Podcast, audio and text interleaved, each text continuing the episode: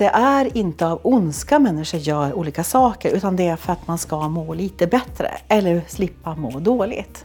Vi föds ju som små gulliga sötnosar hela bunten. Men vi hamnar i olika sammanhang och vissa egenskaper är väldigt hyllade medan andra är inte det. Mm. Och de som då har egenskaper som kan kännas lite läskiga, de kan hamna i utanförskap och attackera.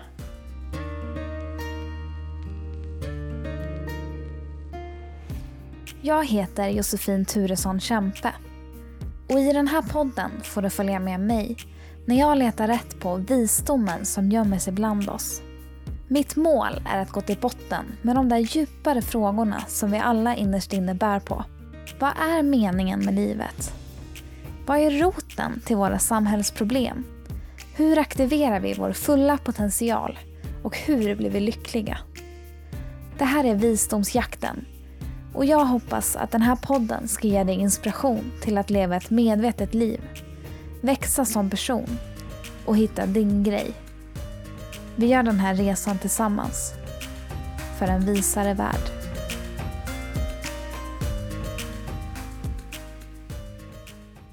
Hallå! Det är mycket som har hänt sedan jag släppte förra avsnittet.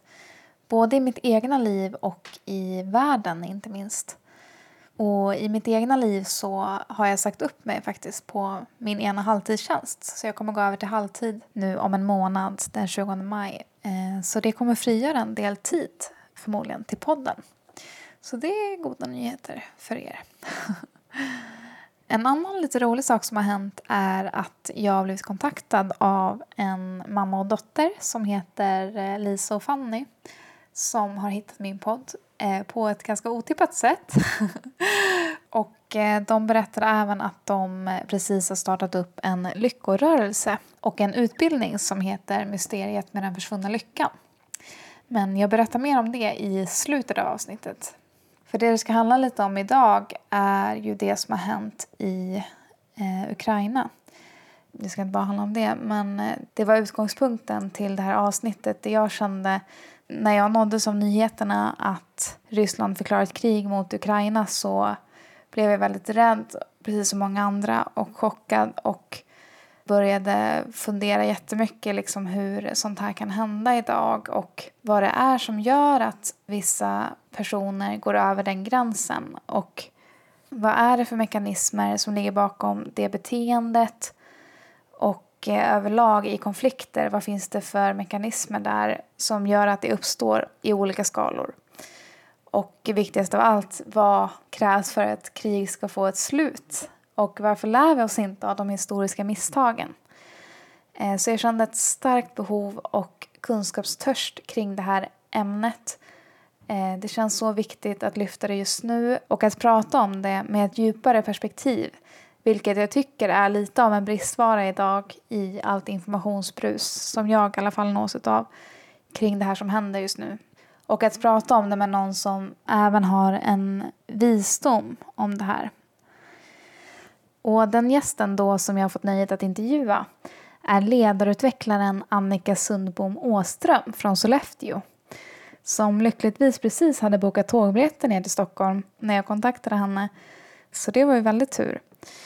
Eh, och Annika driver sedan 2003 företaget Human Dignity, A Center for Leadership där hon med utgångspunkt i sin egna personliga utveckling, medvetenhet och erfarenhet jobbar med att hjälpa andra att förstå varför konflikter uppstår och hur vi löser dem. Hur vi skapar fred, gemenskap, tillväxt och utveckling oavsett kontext och hur allt börjar i oss själva. Hon har utbildat och utvecklat verksamheter, chefer i stora industrier och företag, politiker, organisationer och inte minst då fredsmedlare från FNs medlemsländer. Hon har även intervjuat människor i Ryssland tidigare och gjort en rad forskningsstudier på effekterna av hennes arbete.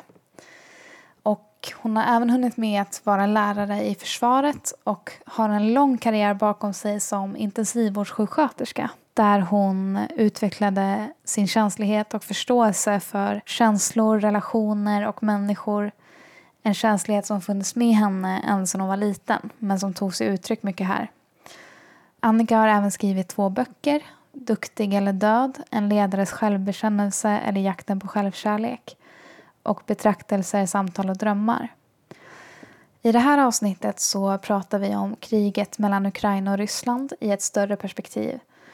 Eh, vi pratar om mål som främjar utveckling, om konflikter och såklart, om eh, relationer och projiceringar, drivkrafter till beteenden, emotionell kommunikation, självkärlek, ledarskap och ansvar, dömande av egenskaper och delpersonligheter i oss själva, föreställningen om ondska och godhet, om känslornas roll och funktion och mycket mer. Jag lärde mig sjukt mycket av det här samtalet. Det här är ett så viktigt perspektiv tycker jag och det gav mig väldigt mycket hopp och liksom kraft, tog tillbaka en kraft till mig själv att jag kan faktiskt påverka världen väldigt mycket genom att jobba med mig själv. Um, ja, då kör vi.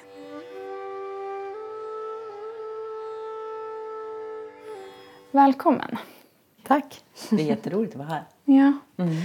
Och du bor ju egentligen i Sollefteå. Men eh, vi hade ju turen att du skulle ner hit den här helgen. Och eh, du har ju rest väldigt mycket överlag, eller hur? Mm. Ja, det beror på vem man jämför med men rätt mycket i alla fall. ja, hur många länder har du varit i? Alltså det vet jag inte riktigt. Jag har inte räknat på det sådär.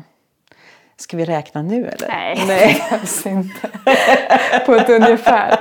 Nej men jag vet faktiskt inte. Nej, jag, okay. jag har varit i New York ganska många gånger. Jag jobbar ju som ledarutvecklare både i Sverige och utomlands. Så att, eh, min intention är att uh, utveckla internationell fred och gemenskap. Alltså det är det som är min målsättning. Då kan man ju tänka sig, men herregud, och så avancerat och stort. Men faktum är att uh, när man vecklar ut människor, medvetandegör och får människor att tycka om sig själva i många olika sammanhang. Och framförallt ju högre upp man kommer i ledningsnivå, desto snabbare går det. Mm. Så det är min intention att vara i samhällsledning mer mm. och mer. Jag betraktar ju aldrig någonting enbart utan jag vet att jag ser världen genom mig själv så jag börjar alltid med att utveckla mig själv. Att skapa den fred och den gemenskap som jag vill se i en grupp det skapar jag i mig själv innan jag går in i gruppen och då är jag en katalysator för det effekt som jag är ute efter att skapa. Okay. Jag kan inte gå in och tro att inte jag sitter ihop systemet. Utan ja. jag måste börja. Jag tar ledarskapet över de ledare som jag ska veckla ut. Så jag mm. tycker mer om dem än de tycker om sig själv. Vilket gör att vi öppnar liksom, dammluckorna och tilliten och tryggheten. De är både fria och... Eh, jag tycker mer om dem än vad de själv tycker om sig själv. De är också fullständigt fria. De kan komma och gå som de vill. Mm. Och där, det är nyckeln till att utveckla ett sammanhang. Mm. Och eh, jag tänkte faktiskt att vi skulle börja med att prata om det som händer just nu i Ukraina. För det nu blir det så destruktivt känns det som att oh, världen går ut för folk börjar kriga, så här, vart är vi på väg? Eh, det är så mycket lidande liksom, i relation till det här som händer. Och många är väldigt rädda för hur det kommer att utvecklas. Liksom, och, så. Eh, och för mig är det så svårt att förstå att det kan uppstå krig idag. Alltså det finns, pågår ju redan krig men att någon kan liksom starta ett krig som kommer innebära att många dör och mycket, mycket lidande. Vad är anledningen liksom? I mitt huvud är det så svårt att förstå, att det är så obegripligt. Mm. Vad är det du ser när du tittar på det som händer nu mellan Ukraina och Ryssland? Nej men alltså, man behöver zooma ut och titta på den stora bilden. Alltså det är inte så att eh, människor internationellt är på något annat sätt än människor nationellt eller regionalt eller lokalt. Därför att vi människor funkar ganska lika. Oavsett om vi är födda i Asien eller Afrika eller Amerika eller Europa. Alltså vi fungerar relationsmässigt. Alltså närhet, distans, gemenskap, eh, övergivenhet. Där finns liksom de parametrarna och de är liksom universella eller mänskliga egenskaper. Om man zoomar ut och tittar på världen utifrån att titta på en grupp så kan man säga så här. Om man, man har en grupp människor som är tillsammans och eh, det tuffar på liksom. Man håller på, någon bär ved och någon gör någonting annat och det liksom är inte så tjorvigt. Det går bra, men så händer det saker. Till exempel att miljön börjar bli tjorvig. Eller det finns saker som man är lite orolig för. Ja, men du vet vattnet i källan börjar bli dåligt och det smakar inget gott. Och sen så är det så att uppfarten till huset är liksom också dåligt. Vi måste göra någonting åt det. Så det blir mer och mer saker som är problematiskt. Då är det så att om man inte har ett positivt mål, om den här gruppen av människor inte har någon dröm gemensamt, utan det enda de har gemensamt är en mardröm. Av vattnet håller på att bli dåligt och det går inte att köra upp på gården. Och massa andra saker som man börjar fokusera på, då börjar de komma i konflikt. Så om vi tittar på världen, när hade världen ett positivt mål? Och här kan vi nästan vara tysta en stund och fundera. När hörde vi att det kommer att bli bättre om tio år? Och grejen är att eh, det här är grundproblematiken i konflikt. Människor som är tillsammans, som inte har en gemensam dröm som de faktiskt är övertygade om, de börjar bråkas. Mm. Det Så är det med familjen Pettersson också. Om man inte riktigt vet om sommaren kommer bli kul, om man ska åka på semester, någon vill åka till Norge, någon annan vill åka till Paris, någon säger jag vill inte åka någonstans. Eh, och eh, man pratar bara om att vi har inga pengar och du vet, bilen har gått sönder. Då börjar konflikterna och barnen bråkar med varann. Därför att eh, man har inget gemensamt att fokusera på. Så alla blir var sina. Och det är så ser man i världen också. Kina har sitt mål. Eller det finns mål för olika länder kan man säga. Vissa länder har väldigt tydliga mål om att det här ska vi uppnå. Det är ungefär som när det är godisregn. I någon park då är det en unge som har bestämt sig för att ta alla godisar och resten av ungarna de har inte riktigt bestämt sig varför de är där överhuvudtaget. Och då är den där lille Pelle, han tar alla godisar och då kan man säga han är en ond människa. Nej, han är inte ond utan han hade bara bestämt sig för någonting. Mm. Han hade en dröm och han återskapade den. Mm. Och det här är mänsklighetens största problem. Det är att vi tycker att eh, vi ska försöka vara så realistiska som möjligt och ha mål som vi kan tänka oss ska kunna bli sant. Vilket gör att vi sätter upp mål som kanske inte är så himla roliga. Vi ska minska utsläppen med 10% eller 50 Ja, hur lyckliga vart vi då? Vi kanske måste bestämma oss att fisken ska hoppa i vattnet. Mm. Och vi kanske ska drömma om att ungarna kan springa på någon äng och leka och det finns getingar mm. som far runt. Mm. Alltså att vi liksom har... Skapar en positiv bild. Liksom. Ja, och det här behöver man ha emotioner till för att skapa. Men vi har hittat på att emotioner det är någonting vi inte ska jobba i den akademiska världen. Känslor alltså? Mm. mm. Känslor. Och det är det som kopplas mot höger hjärnhalva och också är hälften av en mänsklig människas varande och skapande. Men vi har relaterat mycket mer till att eh, kunna förklara olika saker eller kunna beskriva vägen till att uppnå en visst mål. Vilket man inte kan göra när man bestämmer sig för en dröm eftersom det kanske är så långt fram eller så abstrakt så att man måste relatera till känslan mm. och ta sig dit. Men om jag går tillbaka till svaret eller frågan om Ukraina och Ryssland. Vi måste titta på helhetsbilden. På mållösheten för världen. Och det kan man också säga för Sverige. När hade Sverige ett positivt långsiktigt mål? Om man tittar tillbaka till år 2000, ja, där fanns det inget positivt mål där man kunde känna att om tio år kommer vi ha det ännu bättre i Sverige än någonsin. Liksom. Utan att det är ungefär att vi ska försöka att eh, vi ska klara det här. Eller? Och det är mål som gynnar vissa men inte alla.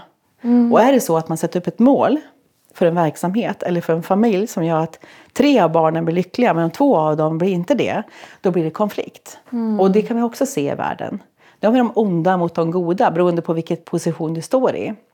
Och då skapar man mål som gynnar den ena gruppen men inte den andra. Mm. Och då blir det konflikt. Och är det så att man har äpplen, då kastar man äpplen på varann.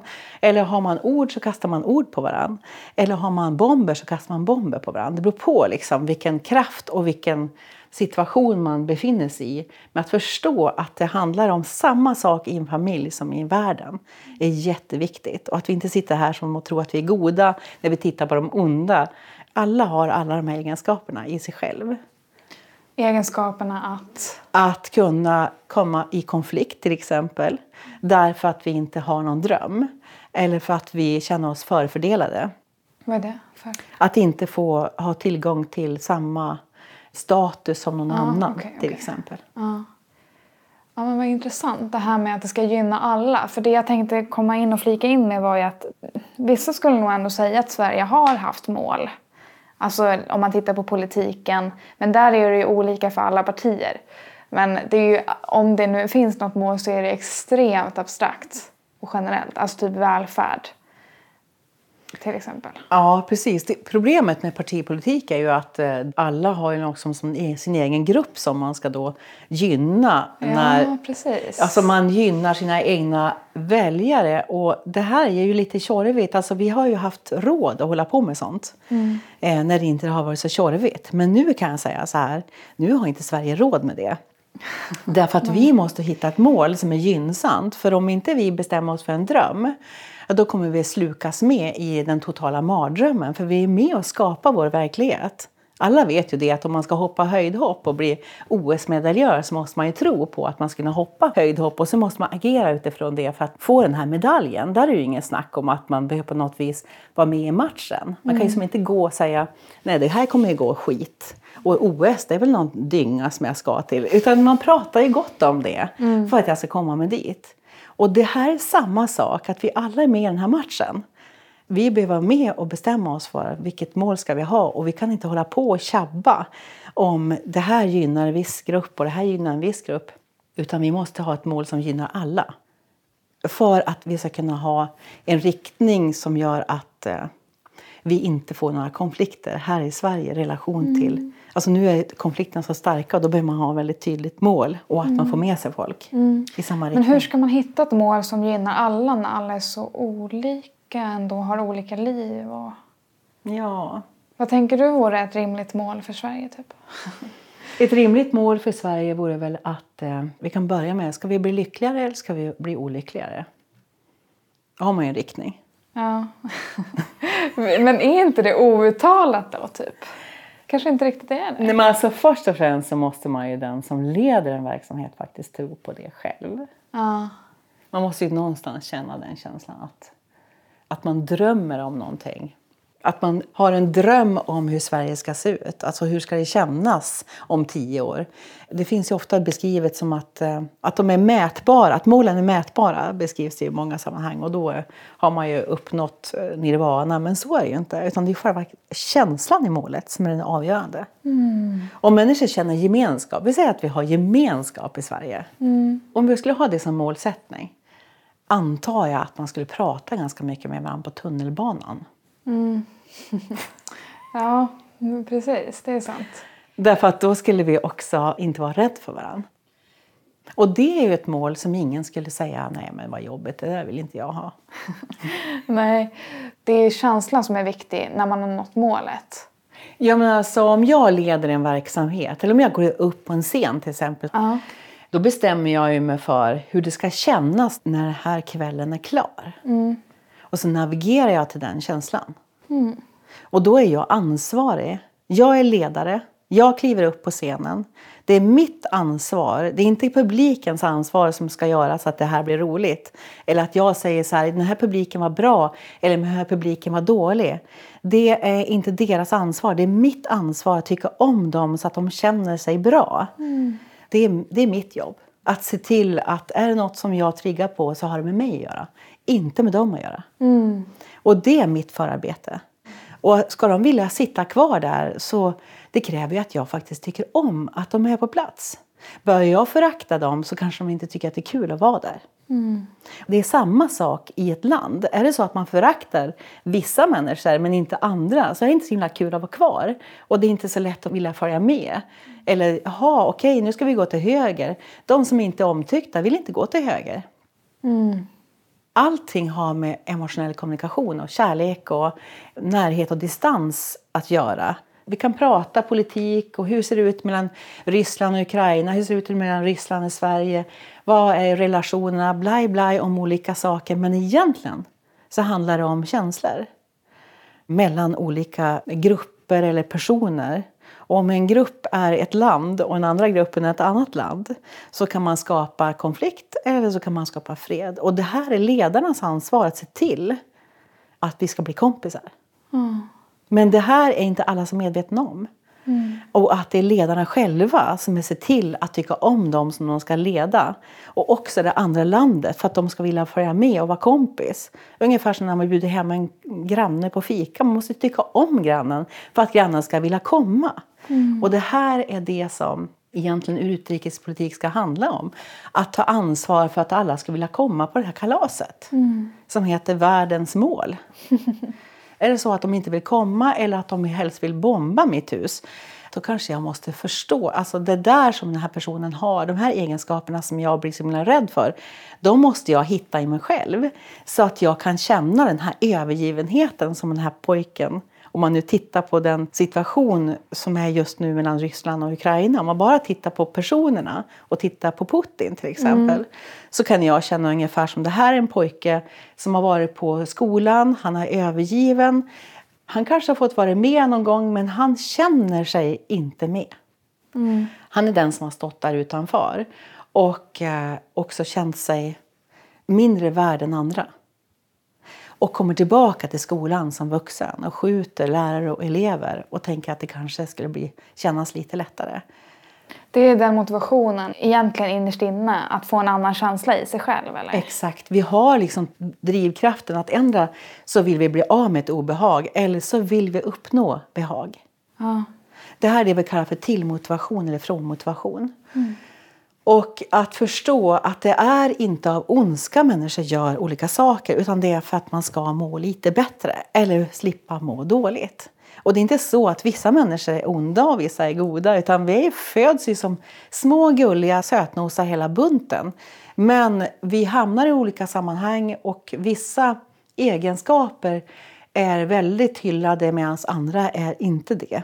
Mm. Och de som då har de egenskaper som kan kännas lite läskiga, de kan hamna i utanförskap och attackera.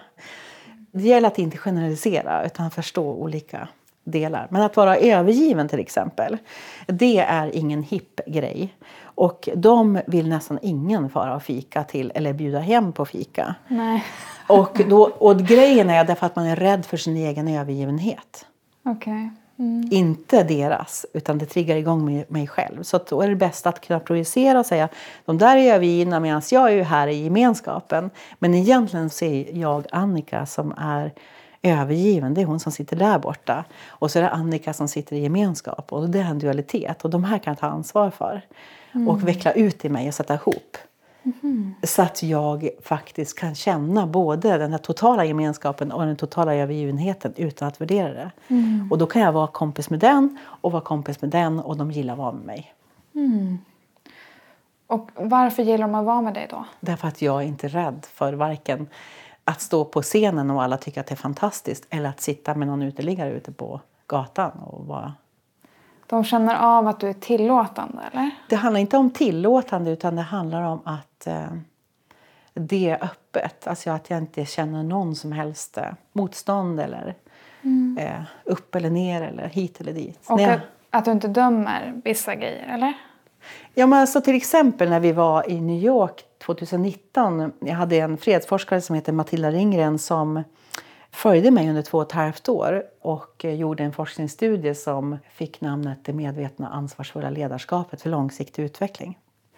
Vi presenterade i alla fall den här rapporten på FN 2019 för 16 olika medlemsländer och deras ambassadörer i enskilda möten. Okay. Så en timmes möte med Slovakien och med Nigeria, med Österrike, Kiribati. Ja, på dagtid så var jag då med ambassadörerna som alla vill bli fotad med, som har väldigt hög status. Många ser upp till dem och samtidigt är de ganska ofria. De kan inte säga så mycket vad de själv tycker utan det är utrikesdepartementet som talar om vad de ska säga. Men de är väldigt välfotade i alla fall, det kan man säga. Mm. på kvällarna så satt jag med uteliggare där i New York och pratade om samma saker som jag pratade om på dagtid med de ambassadörerna om den här studien, om världen. Jag satt med en kille som heter Jeff bland annat. Och, eh, han kan man ju då säga, de som sitter där på gatan, de är ju fullständigt fria. Det är ingen som säger att de ska säga si eller så. Ingen bryr sig om vad de säger. De får, de får göra precis vad de vill. Mm. Andra sidan så är det ingen som vill fota sig med dem. Ja, jag gjorde det. Ja, okej. Men det där är två ytterligheter. Att kunna få vara fullständigt fri. Att det spelar ingen roll. Jag gör precis som jag vill. Och vad du tycker, det bryr jag mig inte om. Och du bryr inte om vad jag gör heller. Det är en del av en människa. Den andra delen är att liksom alla bara älskar den här, det som är jag. Eller jag är viktig, det jag säger är viktigt. Det är viktigt att vara med, det är viktigt att synas. Ja, du vet, sociala medier eller vad det nu kan vara för någonting. Här finns inte det. Nej. Är de två dualiteter Det då? är två motsatser. Okej. Ja.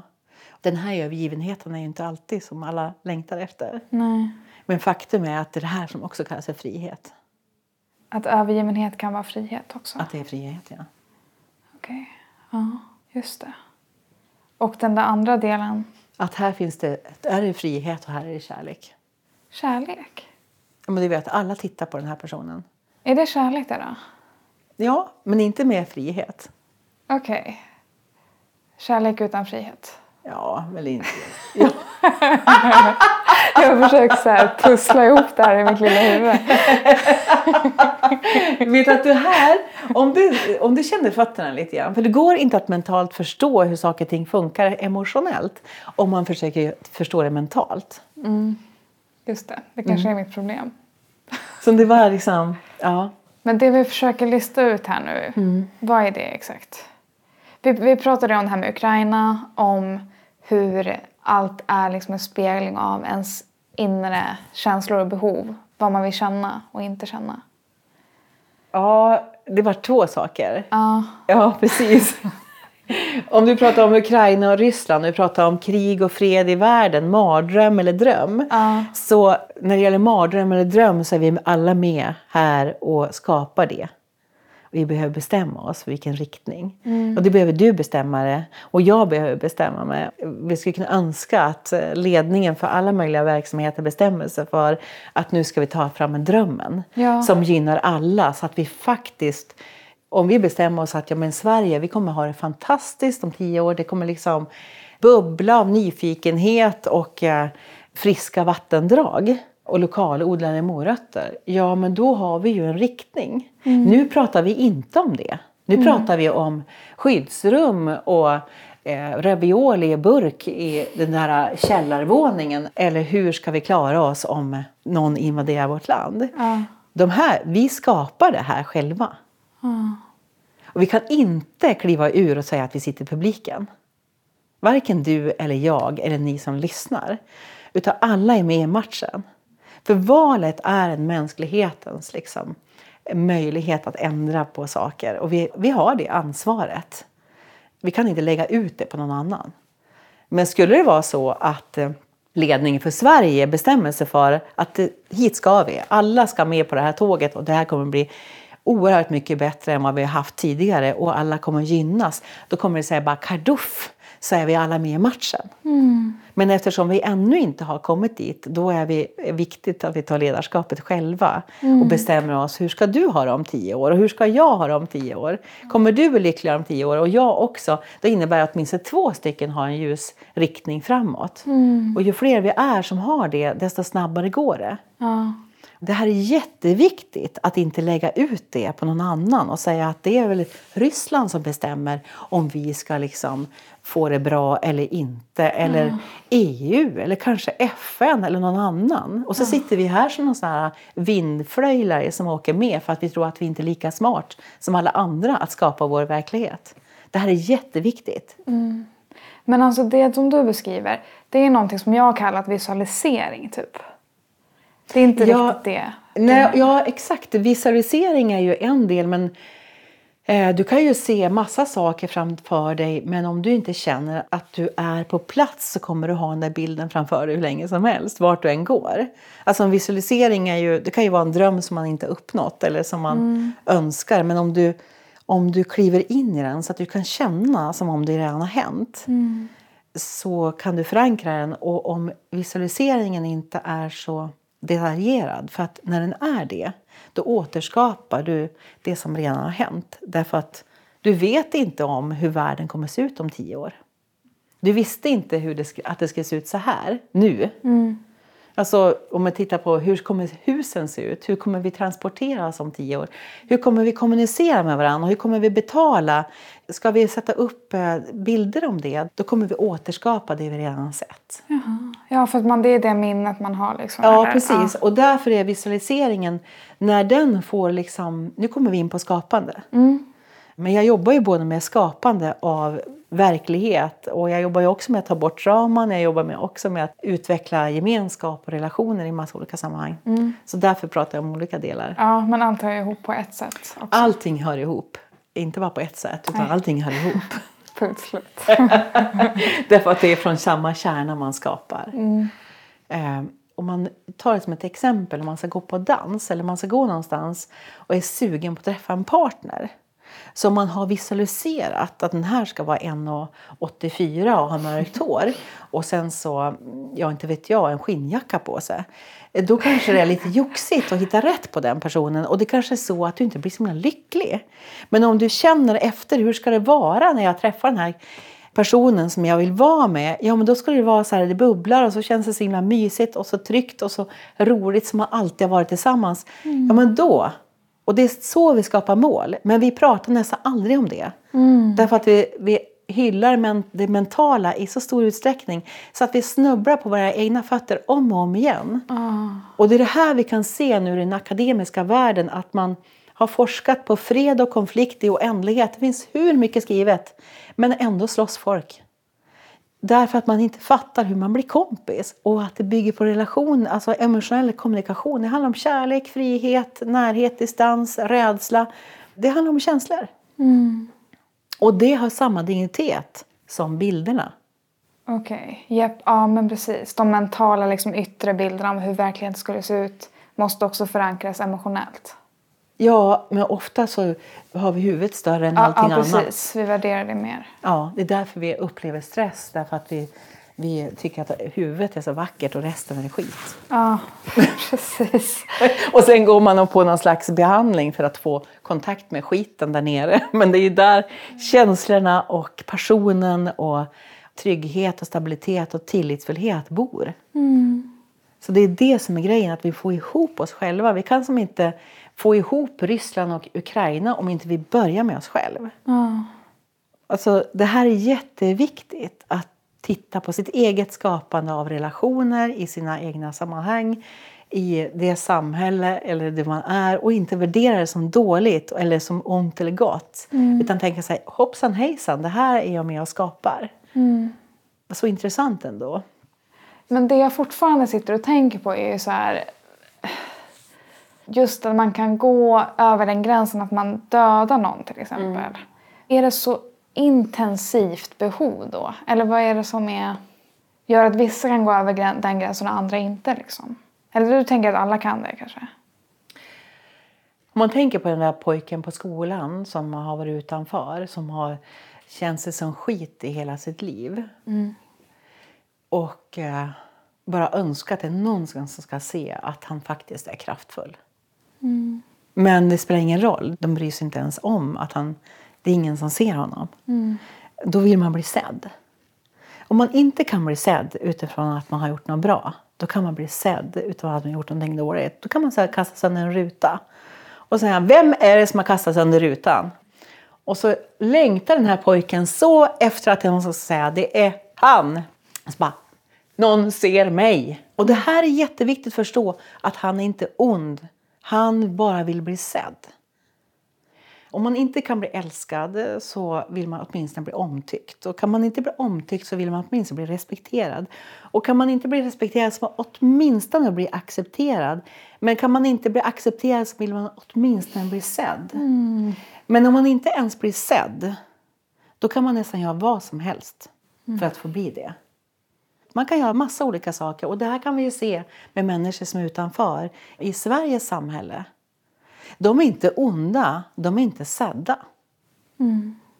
Att bli sedd utifrån den man är. Om inte du blir sedd utifrån det du är och det du tycker är viktigt så kan du bara sprattla och vilja gå därifrån. Om någon underskattar din begåvning eller din förmåga eller kapacitet. Eller... Men om man uttaget inte blir sedd, då, då kan man bara vilja rita på någon vägg eller Mm. kissa i något hörn eller kasta sönder något. Och funkar inte det så kan man göra andra saker. Mm. Och det här är det som vi människor upplever i oss själva. Och det här kan man ha med sig i sitt bagage av att man inte har blivit sedd. Att man vill bli det på något Mm. sätt. Typ från barndomen eller? Ja, av massa olika orsaker. Det behöver inte vara så att det är barndom. Om du och jag flyttar till Tanzania och det är ingen som vill prata med oss. Då kan det ju vara lite tjorvigt. Säger du mycket? Ja. Och man liksom så här, det är ingen som vill bjuda en på fika, det är ingen som vill ha att man ska jobba där och de kan inte uttala ens namn och vill inte prata med en och de tycker att vi är så himla bleka så att det är fult och förskräckligt. Liksom. Ja. Då spelar det ju ingen roll vad vi gör. Vi är redan utanför. Alltså förstå, det betyder inte att du och jag är onda. Vi bara längtar efter kärlek. Alla gör det. Det är egentligen jättesimpelt, men vi pratar jättesällan om det. Det är som i någon slags roman eller någon film, då fattar vi precis att det funkar. Men inom politiska sammanhang eller utrikespolitik eller inrikespolitik, då är det som att man glömt bort det. Ja, gud alltså. Det är så sant. Ja, men alltså, det är väl alla vill väl ha någon att kramas med. Jo. Och att någon pratar gott om en. Om du tänker på vilka har vi pratat illa om i Sverige. Vilka länder har vi pratat illa om? Och så bara säga hoppsan hejsan, ja det kanske inte var så. Det kanske finns några länder vi har sagt dåliga saker om. Och nu jobbas det på jäkligt bra alltså. Att prata dåligt om andra. Mm. Ja, vad tänker du egentligen nu när du hör typ nyheterna eller om du hör hur andra människor pratar om det här som händer? Nej, men alltså, det är väl inte konstigt att vi alla gör det bästa vi kan på olika sätt. Men någonting jag hade önskat och har önskat länge det är att man inom media att man förstår att man är ledare och skapar världen. Och att ta det ansvaret att fundera på om jag säger det här, vad innebär det? Kommer vi skapa en bättre värld eller kommer jag skapa en sämre värld? Att förstå att man är med och gör det. Att man inte kan slänga ut något och säga det får väl du tolka som du vill. om jag pratar illa om min granne till min andra granne. Även om den inte tyckte så så börjar de kanske fundera på om jag säger så han har ju så fula byxor. Och de är ju trasiga. Och han byter dem inte heller, han tvättar dem inte. Så även om min granne, min andra granne skulle tycka att han var fin så tänker han på de där skitiga byxorna. Och jag har skapat en distans mellan två grannar. Och om jag då inte är medveten om att jag faktiskt är med och skapar vår grannsämja här, eller grannosämja, så kan det bli hur katastrofalt som helst. Så här jobbar man i världen. I både media och inom politik. Och man säger massa saker och uttalar sig och fördömer hit och dit istället för att fundera på hur ska vi kunna ta ansvaret för att vi ska få ihop det. Ja, det är ju bra om vi börjar prata om vår granne utifrån hur trevlig han är. Tänk vad roligt ändå. Han gör ju mat som ingen annan i våran grannskap gör. Det doftar ju på ett sätt som, undrar vad det är för kryddor? Alltså du vet, om vi bara tittar på helt andra saker eller om vi bara säger så här att han klipper gräsmattan så bra. Ja, precis. Men om man har svårt att se de här goda egenskaperna och tänker att man bara är ärlig typ. Ja. Vad är det tecken på? Ja, vad är det tecken på? Att inte ta ansvar är väl inte liksom ett brott i sig, men, eller vara omedveten om att vi är med och skapar världen. Men det kan ju tjorva till sig ordentligt. Alltså mitt företag som jag har heter Human Dignity a Center for Leadership. Och Human Dignity det står för mänsklig värdighet, eller det betyder ju det. Och för mig betyder det att allting har samma värde. Därför att vi hittar på att olika personer har olika värde. Jag menar inte liksom i ekonomiska avseenden, men att vi har, det jag menar är att vi har samma dignitet. Du är med och skapar världen, jag är med och skapar världen. Killen som går utanför här på gatan är också med och skapar världen. Men vi har hittat på att vi skulle ha olika dignitet, olika värden och olika möjligheter att eh, utveckla saker. Men vi har samma. Och vi skulle få en helt annan värld om människor skulle bestämma sig för att jag tar ledarskapet för mitt liv. Ja. Och att jag tar ansvar för att jag tänker göra mitt för att vi ska få eh, en gemenskap internationellt. Men då måste jag ju faktiskt fundera på vad jag säger. Om jag ler mot grannen men pratar skit om honom när han har gått in. Ja. Det vet han, för han känner det. Så är det känslor, det kommunicerar vi också internationellt. Känslor har ingen geografisk eh, avstånd. Det kan du känna när du läser sociala medier och vad som händer. Det bara puff, puff, puff, puff. Därför att det går så otroligt snabbt därför att vi kommunicerar emotionellt. Men vi pratar inte om det. Vilket gör att vi kan skapa konflikter så otroligt snabbt. Och är det så att känslorna av rädsla och fördömande växer, då kräver det mod att säga så här, vet du, jag tror att det kommer att bli bättre. Jag tror att det kommer att gå bra. Mm. Därför att man är rädd för att bli övergiven. Men om man är inte är rädd för att bli övergiven, då kan man säga så här, jag har bestämt mig för att eh, vi ska ha gemenskap i Sverige. Så det är väldigt bra, jag kan säga som ett tips, kliv in i tanken att så här, vara Putin som sitter i en bunker helt ensam, som tror att alla är emot honom. Och känn den känslan, för alla har känt den någon gång och touchat vid den. Den kan kännas obehaglig därför att den är inte så hipp. Men faktum, väldigt viktig för att vi ska kunna skapa utveckling. Om vi sätter ihop det med den där känslan av att vi tillsammans känner det här så skulle vi både kunna skapa gemenskap och inte vara så himla rädd och säga jag tror på att det här kommer att gå bra och så ta det ledarskapet. Vi behöver hitta de här egenskaperna. Nu står vi ont mot gott och så säger vi i någon slags eh, gemenskap att eh, usch vad de håller på med det här kriget och jag förstår inte hur människor kan vara så onda. Och då står vi i den här goda gängets grupp. Och det är ju jättehärligt för då kan vi sitta där och fika och vi kan ha gemenskap tack vare att det finns någon som vi hatar gemensamt. Men så fort den försvinner då har vi ingen gemenskap. Därför att det är bara en chimär. Därför att det här är en projicering och en dualitet. De onda det är det som vi också upplever i oss själva men vi vill inte kännas vid det. Men grejen är att vi har inget ont i oss utan vi är bara människor som längtar. Alltså, det finns en motsats i oss själva som vi kan se, en egenskap som vi, ja, men i det här fallet övergivenhet eller jag vill få, jag vill vara något, jag vill ha en större bil, jag vill ha, ja, du vet, om jag får det här då känns det lite bättre. Men alltså så, det som jag kan tänka så här ibland med till exempel Putin då. Är det en projicering då att jag också skulle kunna skada andra människor? Men då kanske det inte är det som är grejen utan det som är under och det är övergivenheten. Ja, exakt. Därför att vi fokuserar på själva handlingen istället för Ja. på själva basen. Men hur vet man vad som är basen då?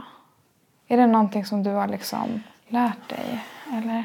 Alltså det gäller ju att eh, om jag jobbar med en grupp eller om jag ska gå in i ett sammanhang eller jag får ett uppdrag för att jobba med en, ett företag, en industri till exempel.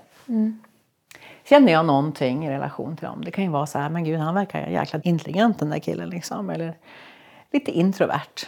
Då vet jag att det där introverta som jag ser hos den där tjejen. Det är en egenskap som jag har. Alltså det är någonting som triggar i mig. Och jag vet inte riktigt vad det är för någonting. Alltså, jag känner ju att det är något som skaver. Ja. Men det skavet är mitt. Okej. Jag ser det där, men det är mitt. Jag ser den där intelligenta mannen. Ja, men den där egenskapen att bara, ja, men jag... Ja, det har jag också, men jag har lagt ut det. Lagt ut det? Ja, du vet. Att Ja, jag ja, ser det hos honom. Ja. men inte hos mig själv. Japp. Och då kan man säga så här, nej men det här har ju med dem att göra. Det har det inte alls. Om jag ska ta ledarskapet, då måste jag ta ansvar för det jag känner i relation till de här människorna. Och innan jag går in så då plockar jag fram den här intelligenta delen av Annika. Den är intelligenta Annika. Så att den blir större. Alltså, och det vet inte jag, det kan ju vara, alltså det är ungefär som Ja, men du heter Josefin och jag heter Annika. Eh, Du bor i Stockholm och jag bor i Sollefteå. Och så bara, ja, men nu vet vi precis allting om varandra, eller hur? Nej, det gör vi ju inte. Nej. Ja, men du jobbar ju med eh, Visdomspodden och jag jobbar som ledarutvecklare. Ja, men nu vet vi ju ändå. Nej, det vet vi inte heller. Därför att vi är så otroligt mycket. Och det är samma sak med mig i relation till mig själv. Så om när jag hittar rätt på att jag triggar på den här killen som är så smart. Och så plockar jag tillbaka den här smarta tjejen med relation till hon som tycker att den där killen är så smart. Så måste jag fatta att jag inte vet vem det här är. Utan jag måste djuploda ner. Precis som innan jag lär känna dig så det räcker inte att jag vet var du föddes någonstans och om du gillar eh, potatisbullar eller mm. köttbullar. Liksom. Mm. Fattar du? Utan att ja. jag behöver liksom... Först så ser jag henne och sen kan jag liksom hitta rätt på mer och mer delar av mig själv. Där jag kan acceptera och respektera tills jag älskar den här delen av mig själv. Mm. Och så gör jag likadant med den här som fördömer. Eller som fördömer mig som inte är lika smart som han. Liksom. Ja. Mm, mm. Och gör på samma sätt tills jag älskar den här delen. Mm. Och så sätter jag ihop det. Och då har jag befriat honom ifrån en projicering. Han får vara hur han vill. Jag ser inte att han är intelligent i relation till någonting annat. Jag ser att den en kille jättefin alltså. Det skaver ingenstans. Han kan stå upp, han kan sitta ner, han kan ta en tupplur. eh, och gör likadant med den här tjejen, hon som var så introvert. Det där plockar jag hem och så vecklar ut de här delarna så jag kan liksom hitta alla möjliga nyanser och framförallt den här känslomässiga relationen där jag bara älskar att vara med den här delen av mig själv. Mm. Och då befriar jag dem och mig ifrån relation till dem. Mm. Så att jag längtar till den här gruppen, när de ska komma till mig. Jag jobbar i herrummet och matsalen och punschverandan hemma. Och när de ska komma där så längtar jag efter att de ska komma dit. Alltså jag kan känna så här, men gud, nu kommer han och så kommer den och så kommer den. Jag har ingen aning, jag har inte träffat dem. Mm. Jag har bara sett dem på bild, jag har pratat lite med dem eller jag kanske träffat några. Mm. De är helt fria. Och det gör att tilliten till mig, eftersom jag inte... De är där för att vi ska uppnå ett mål och jag har tagit ansvar för att jag tycker om dem mm. och de får göra som de vill, då är processen oerhört lätt. Mm. Och det här är ledarens ansvar. That's it, punkt slut. Att tycka mer om de man leder än de tycker om sig själv. Mm. Det är avgörande, men vi pratar nästan aldrig om det. Nej. Men jag måste få fråga en sak här då. När du har jobbat med de här grejerna i dig själv och mm. lärt dig att älska alla delar och sånt. Hur gör du det? Det är ett ständigt arbete. Ja, men rent liksom steg för stegvis. Du börjar väl med att du på något sätt ser antar jag? Okej, här är en projicering. Vad händer sen då? Liksom? Alltså det är på olika sätt. Eh, först och främst måste jag veta vad är det jag ska uppnå. Alltså jag har ju alltid ett mål i relation till det som jag ska göra. Har ett uppdrag, om jag känner att jag vet inte om vi kommer uppnå det här då måste jag ju ta ansvar för att se till att jag faktiskt är helt övertygad om att vi kommer uppnå det och det känns vilsamt. Mm. Det är inte en kamp. Det är också en relation från nu till framtid. Mm. En känslomässig. Om jag är halvrädd för att eh, hur ska det vara om ett halvår med det här företaget, ja då kommer vi väl uppnå att jag är halvrädd när vi är klar också därför att jag återskapar det. Mm. Så att först och främst så måste man bestämma sig för vad man ska uppnå. Ja. Men om du bestämmer dig mm. för att uppnå att bli fri i den här projiceringen till exempel. Kan det vara ett mål? Eller är det nej, men det är ju... Uh, ja, nej men, alltså det, nej, men det måste finnas ett större mål. Liksom. men, men kan... Vad tänker du på själv? ja, men, om jag har ett mål ja. att bli mer och mer medveten, säger vi. Mm. Och så att jag kan bli ja, nu hör jag mig själv men en bättre människa ja. till exempel. Eller ja, att jag att bli bättre på mitt jobb eller bli bättre i relationer. Alltså överlag att jag har ett utvecklingsmål. Mm. Precis, nu kommer vi in på dig här. Det är jättebra för nu kommer vi in så att vi kan prata om det som är verkligt. Mm. Grejen är att om man tänker så här, nej men nu har vi målet att uh, du ska bli en bättre människa. Så kanske det inte känns så här, tjoho, vad kul. Utan, utan som ett litet straffarbete för någon i Sibirien och stå där och jobba på. Och grejen är att ett mål, för att man ska uppnå det så ska det finnas en lust till det. Mm. Om du ska bli en bättre människa, ja varför det? Och bättre människa i relation till vad då? Det betyder ju att det finns ett dolt antal om att du inte är en så bra människa nu. Och det är kanske där problemet ligger. Mm. Alltså, först och främst är ju vi fantastiska personer. Det är bara vi hittar på att vi inte är det. Det är där problemet ligger. Inte att vi är dåliga när vi föddes mm. och att sen ska vi bli bra. Utan grejen är att vi redan var bra när vi föddes och så utvecklas vi och lär vi oss massa saker. Och allting vi lär oss är också till nytta på olika sätt. Eh, och att tycka om oss själva, det är liksom själva basen i att vi ska kunna utvecklas. Mm. Men också att tycka om oss själva när vi fördömer oss själva. Om man säger så här, nej fy fasiken vad kass jag var på det där. Eller att jag fördömer någon annan och tänker fy fasiken vilken idiot. Och så bara hoppsan hejsan Annika, nu sa du, tyckte du det? Ja, det tyckte jag. Jaha, ja ja, det gör inte så mycket. Då har jag befriat mig. Att inte fördöma dem som fördömer, eller inte fördöma sig själv som fördömer sig själv. Mm. Utan börja med att nysta upp och säga hoppsan hejsan. Och acceptera typ? Eller? Ja, att börja med att acceptera. Det är samma process. Att kunna se så här, ja, eller höra sig själv hur man pratar. Jag bara hoppsan hejsan, så här blev det. Och så acceptera det, respektera det, tycka om det och älska det. Och då kan du välja vilken väg du vill. Därför att du har blivit fri. Mm. Vi spikar liksom upp oss själva på något kors eller på någon vägg i fördömande och det är jättetjorvigt att ta sig ut. Ja. Och det är det jag menar när vi fördömer någon annan så fördömer vi oss själva också för vi pratar genom oss själva. Mm. Och det är tjorvigt när vi pratar så mycket om ont och gott och så dåliga människor och så onda människor. Därför att vi spikar upp oss själva. Mm. Och vi hjälps åt att i grupp fördöma. Vilket gör att människor blir så himla rädda att någon ska se det där fula hos oss själva. Så att vi skapar distans till varandra. Mm. Istället för att säga så här, jag vet att jag var taskig igår till någon. Jag sa något fult. Mm. gjorde det? Ja, det gjorde jag.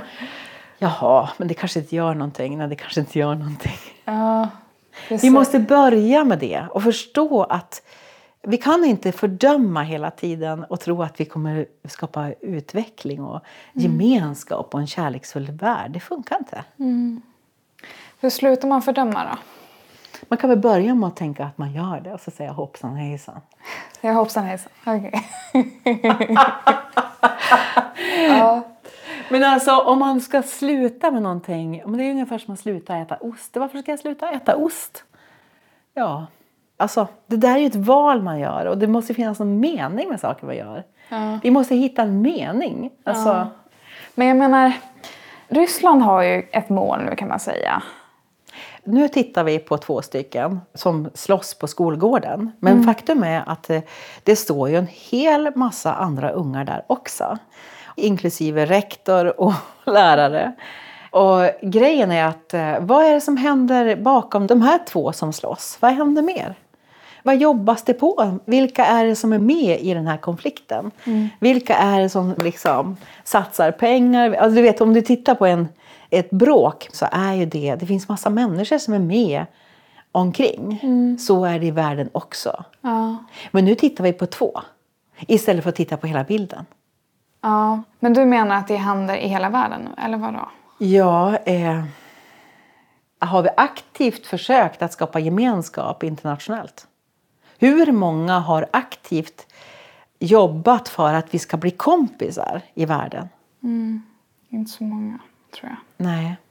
Därför att man är inte är medveten om att vi har den kapaciteten eller att vi tar det ansvaret. Därför att positionen och sammanhanget eller liksom rädslan för att inte få vara med i sammanhang man befinner sig i Alltså rädslan för att bli utanför mm. gör att människor inte kanske törs säga att jag skulle vilja att vi skapar gemenskap internationellt. Och jag tänker ta ansvar för det. Jag tänker prata gott om alla länder här på FN till exempel. Så är det inte idag. Nej. Man har massa olika status beroende på vilken världsdel eller vilket land eller vem man är fin och ful. Och närheten är inte så påtaglig och jag tror inte att man är så medveten om, eller jag vet i massa olika sammanhang, jag kan inte säga att det så är alla, men att jag själv är med och skapar den gemenskap mm. eller den distans som finns i säkerhetsrådet eller generalförsamlingen. Och faktum är att det är ju där man ska ha mest kompis. Mm. För det är de som leder världen, det är de som är föräldrar. Ja. Och just nu så saknar vi föräldrar. Vi bara, hallå, hallå, vart är de? Ska vi på semester eller ska vi inte? Det är ja. ingen som vet. Nej. Har vi något sommarhus kvar? Nej, vi vet inte. Mm. Vi behöver föräldrar och vi behöver också bli våra egna föräldrar och bestämma oss ja, för precis. att ta ansvar för vårt eget, hur vill jag att livet ska vara? Och prata utifrån det och agera utifrån det. Mm. Åh, Gud vad intressant det här är. Jag blir lite nyfiken på hur du kom in på allt det här och sånt. Vad började allt det här hos dig? Det här intresset och... Jag har alltid varit emotionellt välutvecklad kan man väl säga. Fast det är väl varenda unge egentligen. Ja. Sen kan det vara så att man utvecklar den förmågan att känna av olika saker mer eller mindre beroende på vilket sammanhang man befinner sig i. Jag hade väl den lyckan att göra det.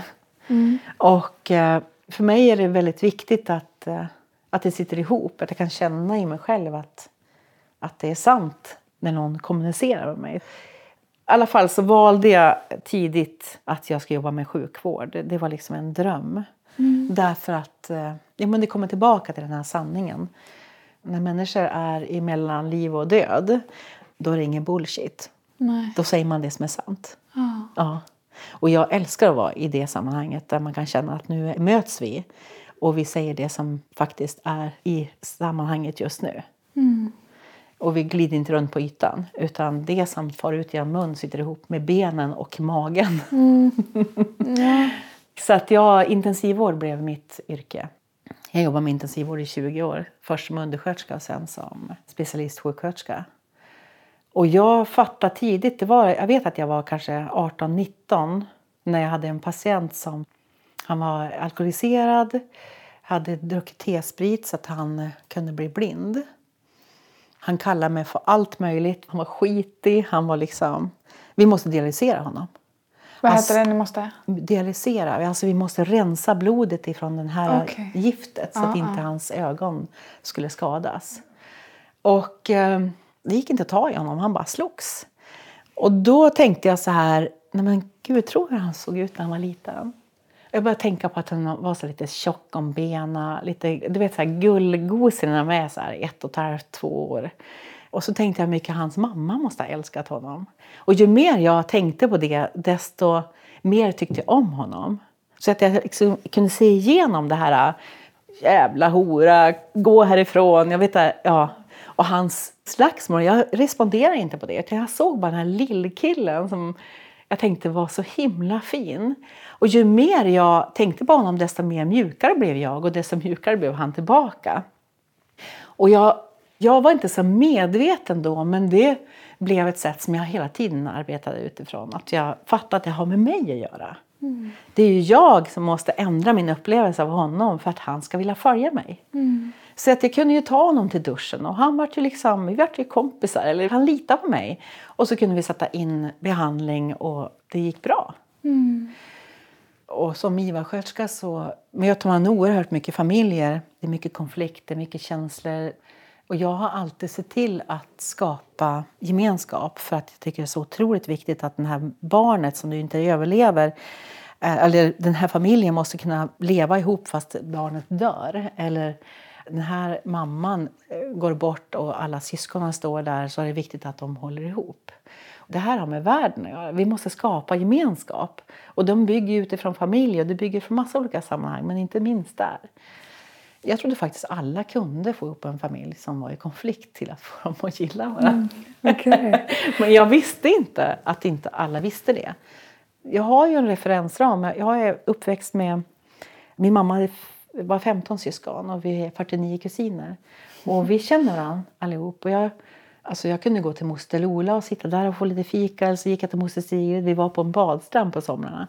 Eller så gick jag till moster Berta eller morbror Joel eller morbror Allan. Eller moster Linnea. Och det, jag var lika självklar och älskad oavsett vart jag gick. Och den där känslan av att det spelar ingen roll vad jag hade gjort. Eller, och det är samma sak nu när man har vuxit upp. De bryr sig inte ett skvatt om jag skriver några böcker eller vad jag jobbar med. För det är ingen som frågar det. Utan de bara, nej men kommer du nu, vad roligt. Kom och sätt dig. Alla är med. Och den känslan, jag har ingen lust att leva i, på den här jorden om inte jag får återskapa det. Så vart jag än går så återskapar jag den här känslan av gemenskap som jag vill ha. Och som jag också har hittat kärnan av hur ska vi expandera den. Så att jag också kan teoretiskt förklara när jag går in i ett sammanhang som är i konflikt. Att hjälpa dem att gå från konflikt till fred och beskriva det teoretiskt på tavlan samtidigt som de kan känna hur de från början tycker liksom illa om varandra eller bara uh, till att de bara, det börjar mjukna och man bara känner så här, men det är rätt mysigt att vara ihop. Och att det är en känslomässig ändring. Men det är jag som är ansvarig. Jag är katalysator för att det ska ske. Det är inget verktyg som jag ger ut som ligger externt utan jag måste ha skapat den gemenskapen i relation till den här gruppen innan jag går in. Mm. Mitt arbete bygger inte på att jag har ett verktyg i en låda som jag kan ta upp. Utan det här bygger på att jag tar ansvar. Och är medveten om att det är jag som är ledare när jag går in i ett sammanhang. Och att det är jag som ska tycka om dem mer än de tycker om sig själv. Och att de också är fria att komma och gå som de vill, det spelar ingen roll. Men de får välja, vi ska till det här målet. Ja, vill ni med? Och då är jag som ser till att vi skapar gemenskapen och uppnår målet. Ja. Och det är liksom that's it, punkt slut. Och det är det också det som jag gör i mina kurser. Att jag utbildar ledare att veckla ut dem så de får tillgång till det samtidigt som jag utbildar dem på det sättet så att jag är både katalysator, processen sker på det sättet samtidigt som de också får tillgång till det här i sig själv. Det blir lite upprepning nu kanske, men bara så att jag förstår. Alltså kärnan i gemenskap dels. Vad är det? Kärnan är att gemenskapen och distansen är intern i mig. Mm. Om du bara stannar där. Om inte, nu ska vi bara, åh vad svårt. Skit i att det är svårt, det är inget svårt alls. Det är jättesimpelt. Om eh, jag hade varit rädd för dig nu, då hade det känts. Och då hade vi skapat en eh, distans till varandra och så hade vi liksom Ja, nu, även om du är rädd för mig så bestämmer jag mig för att vi ska lösa det här. Så att vi, det, Okej. ja, jag tänker, så länge du det är här. precis. Men alltså om jag... Men jag förstår att eh, det som jag känner i relation till omgivningen återskapar jag. Om det inte är någon annan som tar ledarskapet över den här gemenskapen. Okej. Och kärnan ligger att vi skapar världen mentalt. Vi ser den, vi hör den internt i oss själva. I det här området så har vi våra emotioner. I magen? Från hjärtat? Eller från halsen? Ja, men alltså, här finns liksom passionen bara. "Åh, Det här vill jag. Uff, det, ja, men gud vad härligt. Och här, i det här området ska vi känna. Vi kan känna hur, ja, men hur kändes det att gå på Ica igår? Ah, det var lite, undra vad det var liksom. Ja, det var någonting som inte kändes bra. Jag vet inte. Det där kan alla människor uppleva. Att ja, den där restaurangen var ju himla mysig. Eller tidigare var det trevligare än vad det är nu. Och var kommer det ifrån då? Därför att det är en känslomässig upplevelse i relation till de människor som finns på platsen, i relation till deras intention, i relation till deras kärlek till maten eller till det de skapar. Ah, Okej. Ja, Vi känner av alla känslor. exakt. Vi känner av allas känslor. Men det är någonting eh, vi har paketerat i någon sån här eh, mystisk burk. Eh, det här är någonting som Ja, men till exempel en mamma eller en förälder som har småbarn kan ju känna om det har hänt någonting på skolan fast de inte har pratat med barnen. Eh, och eh, det är väldigt praktiskt. Om man är inne och så är barnen ute så kan man känna att det är lugnt. Eller det kan kännas det lite stökigt, jag måste gå ut och kolla. Det här kan vilken industriledare som helst göra i relation till sina medarbetare. Om man förstår att eh, jag hjälper till att veckla ut så de får tillgång till den här delen. Att inte värdera den här som dålig, det här som bra och det här som dåligt. Utan de får tillgång, det här är lika bra som det här, som det här, som det där. Så att man kan känna av om jag måste skynda mig på jobbet eller om jag kan sitta kvar och ta en kopp kaffe till. Det är väldigt praktiskt. Ja, precis. Och här längst ner, nu är det här en generalisering, men alltså här bor ju tillit, trygghet, säkerhet, stabilitet. När vi fördömer våra kroppar eller när vi liksom använder dem som någonting man ska stoppa in mat i och bajsa ut. alltså det någonting som man, att man inte förstår att den här delen är lika intelligent som den där delen. Ja, Då får vi inte kontakt med den. Och då försöker vi få säkerhet och trygghet på massa olika sätt. Eller att vi försöker att försvara oss med tanke på att vi kanske blir anfallen. Om vi tappar den här tillitsfullheten eller vi tappar den här känslan av att kunna känna av och vi vet nästan inte vad tycker jag är viktigt eller kul, då har vi det här kvar. Och då är det väl ungefär som vart Putin sitter nu. Det är mentalt, man kan inte känna, man vet inte, man navigerar inte i relation till att det finns något vi. Utan det finns jag och så finns det dem. Men grejen är att världen håller på på samma sätt. Okej. Och fördömer, alltså du vet, det är jag, eller vi här och de där. Alltså det finns en motsats istället för att vi skulle sätta ihop det. Ja, men det blir så svårt att förklara alla Nej men jag förstår. Ja, det gör det. Ja, men det jag undrar är liksom om det här är utgångsläget nu. Att vi har alla de här känslorna i oss själva, vi är omedvetna, att vi liksom projicerar och att vi skapar den här polariseringen och allting. Hur ska man få en förändring där? Ja, men först är det väl så att man behöver som var och en människa känna så här. Ja, tänker jag ta ansvar eller tänker jag inte? Då kan man säga nej, jag tänker inte ta ansvar. Okej, då har jag valt det. För, Ja, ansvar för att vi har en värld som är vår gemensamma. ja, ja precis. Men grejen är att folk tänker ju inte ens så. Ja, men nu finns ju en möjlighet att man ändå kan fundera på att jag kanske är med i matchen själv. Man tänker sig så här, men jag skulle vilja köpa chili, men jag vet inte var man hittar det någonstans. Då kan man ju göra massa olika sätt. Alltså, man kan ju säga så här, nej, jag vet inte. Ja. Det blir inget. Det är ingen som har gett mig något. Jag förstår inte, det är ingen som ger mig chili.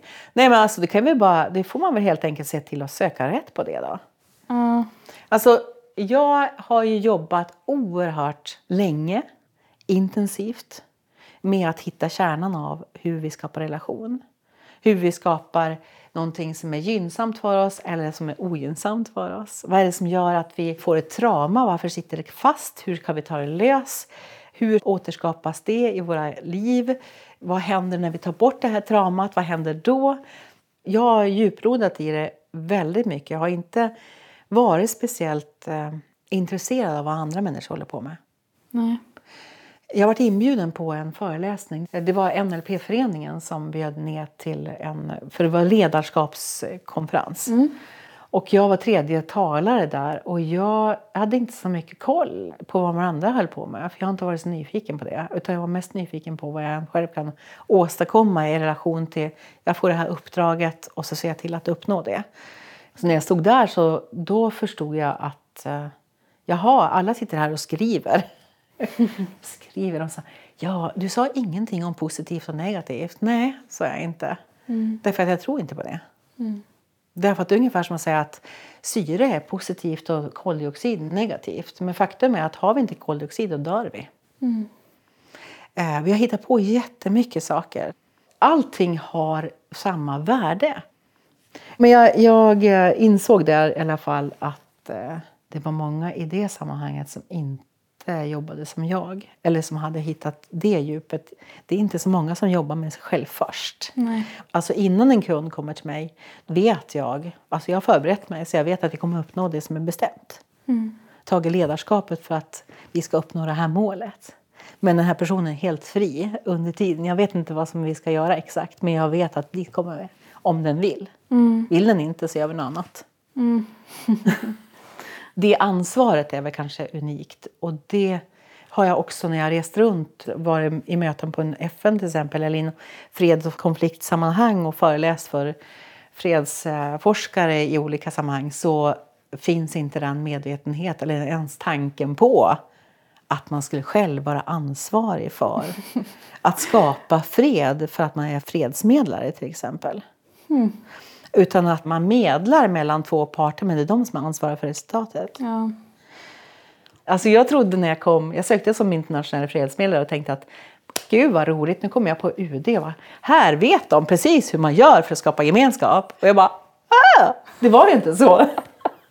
det betyder inte att de var dåliga, men att jag ska ju tycka om de andra människorna som jag vill ha gemenskap med för att det ska bli en gemenskap. Och det måste jag ta ansvar för själv. Ja, men det jag undrar är liksom, hur ska man gå från att inte tycka om någon till att tycka om någon utan att det blir liksom krystat och fejk? Du kan inte göra det mentalt. Aha. Så det kan jag, ja, det kommer bli krystat och fake om du kör det på mentala nivån. Därför att det är det bättre att om du inte tycker om någon att du säger jag tycker inte om dig för då är du åtminstone sann. Och då kan människor lita på dig. Än att du säger åh vad roligt att vara med dig. Fast du egentligen tycker att den här är en tråkig människa. Då stänger du av när du talar osant. Då är du tvungen att stänga av din relation till dig själv neråt. Då blir du instabil. Du slutar lita på dig själv för du ljuger. Och det betyder inte att det är dåligt. Men det sitter inte ihop. Och när inte det sitter ihop i dig, då separerar du. Och då kan man bli förvirrad för man tänker det här, men gör det där. Ja. Nu ska jag sätta in fotona i fotoalbum och så vart det inte alls, jag gick på fest. Precis. Därför att, och det här, vi har hittat på så mycket saker. Att det är så himla fint att säga så här fast det känns som någonting helt annat. Ja. Och det gör att vi splittrar oss. Men det är också att vi kommer i konflikt med oss själva beror ju också på att vi utvecklas. Vi kanske hamnar i olika sammanhang i ens liv så att man utvecklar väldigt eh, starkt eh, ansvar till exempel. Men inte har samma utveckling i att vara fri. Då blir det en konflikt. Då kanske jag tycker att de som inte tar ansvar är dönickare eller bedrövliga människor. Men egentligen så är det mig själv jag ser. Och då behöver jag utveckla den här delen. Hitta den här delen av den som inte bryr sig om något. Det spelar väl ingen roll om vad som händer i världen. Jag ser inte på någon nyhet eller jag gör ingenting. Alltså att jag, jag är fri. Jag har inte ansvar för disken eller ingenting. Liksom. Som en helt vanlig frisk eh, 13-åring. så bara, om inte det blir tillsagt så blir det inte liksom. Ja. Och, det, och den, egen, den egenskapen är lika viktig som den att ta ansvar. Och det sker, vi utvecklas hela tiden. Men det är oftast när vi hamnar i en eh, krasch i vårt liv, i en skilsmässa, död eller någonting så, puff, så går de här ihop. Okej. Men man kan göra det aktivt och det är det jag hittar rätt på. Själva kärnan i hur fasiken sitter det här ihop i oss? Hur kan vi få till det här aktivt? Och det har jag jobbat med, med själv i oändlighet för att hitta den ena efter den andra delen, veckla ut dem, sätta ihop dem. För att jag ska kunna vara var som helst och fika med den och vara med den, sitta på den här i den här konferensen eller dansa runt den där elden eller och känna mig helt, alltså att jag, jag är helt okej liksom. Det här då, när du har jobbat med det här. Hur går det till? Liksom? Vad är det som går till? Ja, men hur jobbar du med dig själv och hur lyckas du veckla ut det här så att du sen kan vara fri? Alltså den processen från att vara ofri till att vara... Eller från att vara splittrad till att vara hel. Ja, men det är klart att det finns ju massa kunskap om hur vi människor funkar. Är en jättelång erfarenhet som jag har förstås. Det är ju inte någonting som man kan på tre minuter bläddra sig igenom en liten manual och se vi så här. Utan det är ju... Jag har ju suttit på Centralen när jag jobbade i Stockholm mycket. Så kunde jag sätta mig på Centralen och så bara söka rätt på Annikerna som jag inte hade träffat. Annikerna? Ja, det är De alltså, andra dig? De andra jag. Ja, okej. Ja, men du vet, och så såg jag någon som for, gick förbi och så tänkte jag så här, det kan inte vara möjligt. Jo, det är möjligt Annika, det där är du också. Jaha, okej. Så, ja, men då, det där verkar ju vara liksom någon som, ja men du vet, nej, det kan inte vara jag. och så skrev jag upp det på en lista. Okej, den där egenskapen, vad är det för egenskap jag kände? Ja, det var det fanns en sån här arrogans som var helt makalös. Och så bara, men gud vad spännande! Så här som man mår illa. Och så skrev jag upp den listan, så skrev jag upp och så skrev jag upp. Och sen i mitt privata liv så, när det tjorvar med barnen så vet jag att det har med mig att göra. De egenskaperna, för de utvecklas ju hela tiden. Och jag måste hela tiden vara i framkant. Om jag, liksom, om jag ska trycka tillbaka dem så blir jag ju en helt vanlig diktator som säger bara sitt ner, rör er inte, jag skickar er på BUP. Utan jag måste ha en större kärlek och större frihet i mig så att de har utvecklingsspann. Ja. Så att eh, när det tjorvar med mig och mina barn så då, Vad gör du då? Liksom? ja, då, då känner jag ju på det att det, det, man kan ju sprattla ett tag liksom. Ja. Det bara, "Åh!" Men jag vet att det har med mig att göra. Och då hittar jag rätt på det. Och jag, Hitta rätt på det. Och hur hittar du rätt på det då? ja, då hittar jag rätt på det. Jag kan ju känna en känsla. Det kan ju vara bara ett illamående eller det kan vara en irritation. Eller det kan vara... Det är någon som vill jättemycket. De bara, jag vill framåt. Jag tänker på eh, en av barnen som är väldigt så här, har en otrolig målriktning. Och när det trycker, när han trycker på, då vet jag att nu Annika, nu måste du upp på högre nivå när det gäller dina mål. För det ligger för tajt på. Om mina mål är för låga, alltså du vet jag håller på att tuffa på med någonting som egentligen inte gynnar mig. Jag är inte så himla lustfylld, ja du vet man återskapar något. Och här kommer en kille som är i min verksamhet i familjen och trycker på. Så här ser det ut på en, ett helt vanligt företag. Här har vi en kille som, som eh, har en oerhörd lust till att skapa saker. Ja. Medan den som är i ledningen är ganska nöjd och tänker gå i, ja, jag är nöjd. Liksom. Ja, ja. Då blir det konflikt. ja. Ja. Och då vet jag att jag måste upp. Jag måste ta fram vad är det jag verkligen vill. Vad är det som gör att jag bara, oh, det här vill jag. Ska vi få till en gemenskap så att det funkar i familjen, då måste jag ta det ansvaret. Japp, okej. Och det här är jätteviktigt. Gör jag inte det, då kommer det vara så att det är en konfrontation. Det här kan du se i vilket land som helst. Och då trycker man ner dem och så fängslar man dem. Ja, men du vet. Nu gör man inte det med barnen. Men man kanske säger nu, men nu är det färdigt. Liksom.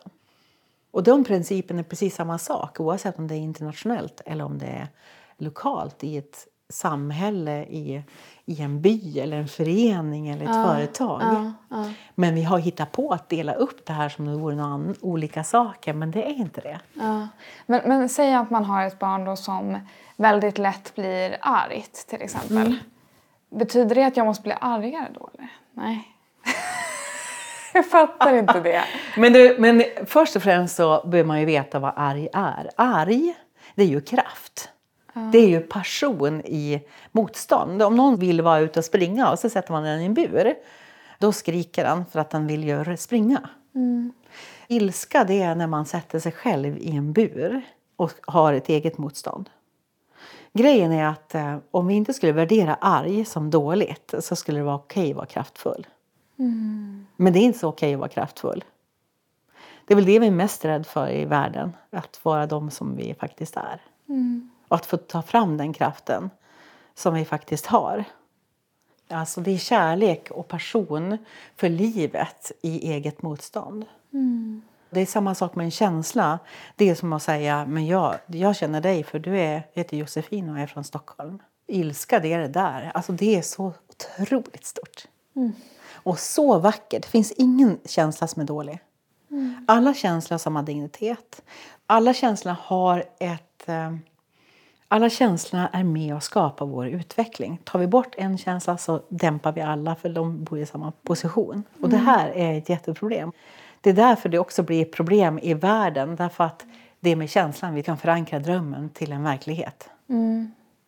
Men alltså, sorg och ledsenhet till exempel. Det är, perf- det är jätteviktigt. Men om man är en person som väldigt ofta är ledsen, vill man ändå inte ha ett liv där man inte hela tiden är i det? Alltså jag menar, Ja, men alltså det här är... Eh, eh, eh, ja. Förlåt. Men jag, Nu kommer vi in på massa olika saker. Ja, jag Eh, vet. Men alltså, det här kan du läsa om i den här boken på slutet. Här, här, här står det om de här olika känslorna och vad de är till för. Men jag kan säga så här, sorg det är till för att eh, skölja igenom det som var igår. Grejen är att när vi inte får tillgång, när vi inte kan använda någonting i fullt ut, då ligger vi och piper med våra känslor. Vi kan vara irriterade från det vi, från vi är 15 tills vi är 98 och tills vi dör därför att vi aldrig tillåter att vara den kraftfulla person vi är. Ja, Och då kan man liksom... Mm. Det är som att en känsla varar i tre minuter om man får fullt utlopp. Men om vi värderar den som dålig och alla andra också gör det, då kan man vara småledsen hur länge som helst. Därför att man får aldrig skölja ur. Därför att det är en mening att vi ska släppa taget om det som var igår för att få en ny dag. Känslorna är, det är avgörande för vårt liv. Och det är också för vår hälsa och för att eh, ta bort ett trauma till exempel. Det är både klistret för en verklighet och också lösningen för att lösa upp den. okej. Och det handlar också om i en konflikt till exempel. Att lösa upp en konflikt mellan olika personer. Den gör man med känslor, inte med sakfrågor. Okej.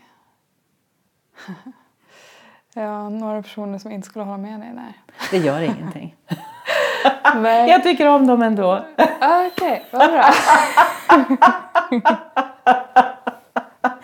Så kan man toppa med sakfrågor men det är inte det som är basen. Okej, men vi var inne på den här processen.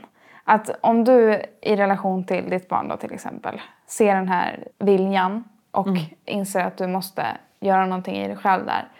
Då först letar du efter det sa du? Typ, jag känner på det. Ja men precis, om vi då inte tar barnet utan jag går in i en verksamhet och jag möter en man i verksamheten till exempel, eller en tjej Ja. som har en kraft som är större än min. Då kan jag inte veckla ut den. Veckla, och veckla Då ut kan vad? jag inte leda den till en utveckling. Därför att jag skulle fördöma den här kraften eftersom jag inte har tillgång till den själv. Jag måste se till att jag har större lust till livet än den som jag ska veckla ut. Annars får ju den jobb vara min ledare. Ja, jag förstår. Och det är samma sak med mina barn. Om de vill mer än vad jag vill, ja, men då kommer vi ha konflikt. Det handlar om att jag ska göra det som jag längtar i mitt liv. Så att mina barn kan också skapa det de längtar i sitt liv. Så att det finns en rörelsefrihet Ja, och en riktning. Men sker det här liksom... Du har jobbat med det här så länge nu så att jag tänker att det kanske är svårt att se exakt vad du gör steg för steg utan det händer liksom dynamiskt, eller? Nej då, det är precis det som jag skriver i min första bok om. Ja, okej. I steg för steg. Precis Okej. hur funkar det? Därför att det går som inte att förklara det på, i en intervju på det här sättet. Man måste som uppleva det för att förstå det. Mm. Alltså du, du behöver först förstå att du har ett... Du behöver fatta att det här har med mig att göra. Mm. Den här killen på det här jobbet, han vill mer än jag. Han har mer kraft än mig. Då måste jag utveckla min kraftfullhet. Mm. Om jag då tycker att han är skit för att han är så kraftfull och tänker stanna där, då kommer jag inte lyckas med mitt jobb som ledarutvecklare för den här verksamheten. Och då tar jag inte heller ansvar. Nej. Utan då ser jag, om jag nu har tänkt att det här vill jag göra, då måste jag ta ansvar för att hitta rätt på ännu större kraft i mig själv än vad den där killen har. Så att han har rörelsevid i relation till mig. Så att när vi ska skapa utveckling för den här verksamheten så kan han känna så här, ja men det är 15 meter mellan honom och mig så att det finns luft och rörelsevidd. Och rörelse och stillhet har med känslor att göra. Kärlek och rörelse, det sitter ihop. Kärlek i frihet, då rör man sig. Då är vattnet studsar runt liksom. Kärlek utan frihet, det kanske är inom rör. det får inte röra sig fritt. Ja. Ja. Vad är kärlek då? ja, nu får du svara på det Josefin. Vad är kärlek då? Vad är inte det? Allt är väl det på sitt sätt. Alltså, och så finns det väl en frånvaro av det. Och det är den som är så himla smärtsam som gör att man hamnar i konflikt med andra människor och andra sammanhang. Och grejen är att om inte jag ser att kärleken kommer bli större i framtiden som nu det pratas om så oerhört mycket i media och på fikabord, att den ska bli mindre. Kärleken? Ja. Om vi pratar om mardrömmen, då är inte kärleken större. Nej. Mardrömmen att det är världskrig typ. Ja. Då, alltså, vi längtar alltid efter att den ska expandera. Vi människor expanderar hela tiden. Alltså, vi vet, universum expanderar. Vi människor, även fast vi har vuxit klart, så vill vi utvecklas. Ja, men vi vill lära oss mer, förstå mer, känna mer, ha en roligare, eh, vara mer trygga. Alltså, vi längtar efter oss själva hela tiden.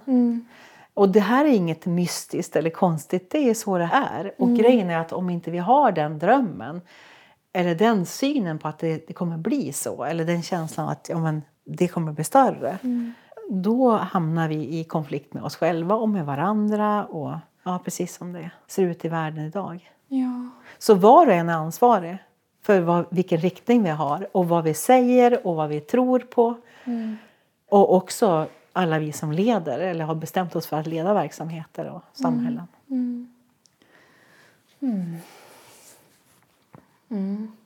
Det jag tänker när jag frågar så här liksom, upprepande om man säger är att jag verkligen vill förstå det.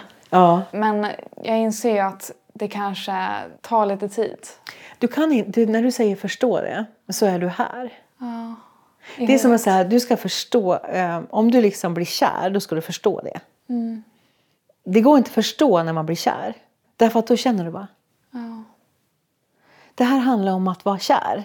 Vi tror att det här är något eget. Nej, det är inget eget. Det handlar om att vi ska Alltså, om vi säger vad är kärlek? Jo, det är att vara kär. Mm. Det är en känsla. Om alla skulle vara kär när man sitter i säkerhetsrådet och tycker att det är roligt att gå dit och längta efter varandra. Då skulle vi ha en helt annan situation i världen. Om man dessutom tänkte att det här skulle expandera och att det är det som är meningen med vår värld. Det är att vi ska bli ännu mer kär i vår värld och varann. Ja, men då vore det väl inget snack. Men vi har hittat på att kär det är någonting i någon roman eller i någon film eller i något privatliv. Ja. Men det måste finnas överallt. Alltså den här intellektuella och det emotionella, det måste sitta ihop. Och det har samma dignitet i vår kropp eller i våra hjärnor. Och vi måste använda det. Men det jag undrar då, liksom, om man ska sammanfatta eller ge något råd eller vägledning till de som lyssnar och till mig. Vad som är första steget för att det här ska bli verklighet? För att man ska liksom börja sammanfoga delar i sig själv och liksom acceptera alla delar. För att jag kan ju tänka så här, ja, men jag har en perfektionistisk sida som jag har liksom tittat på och tänkt att fan, den är i vägen för det här och det här och det här.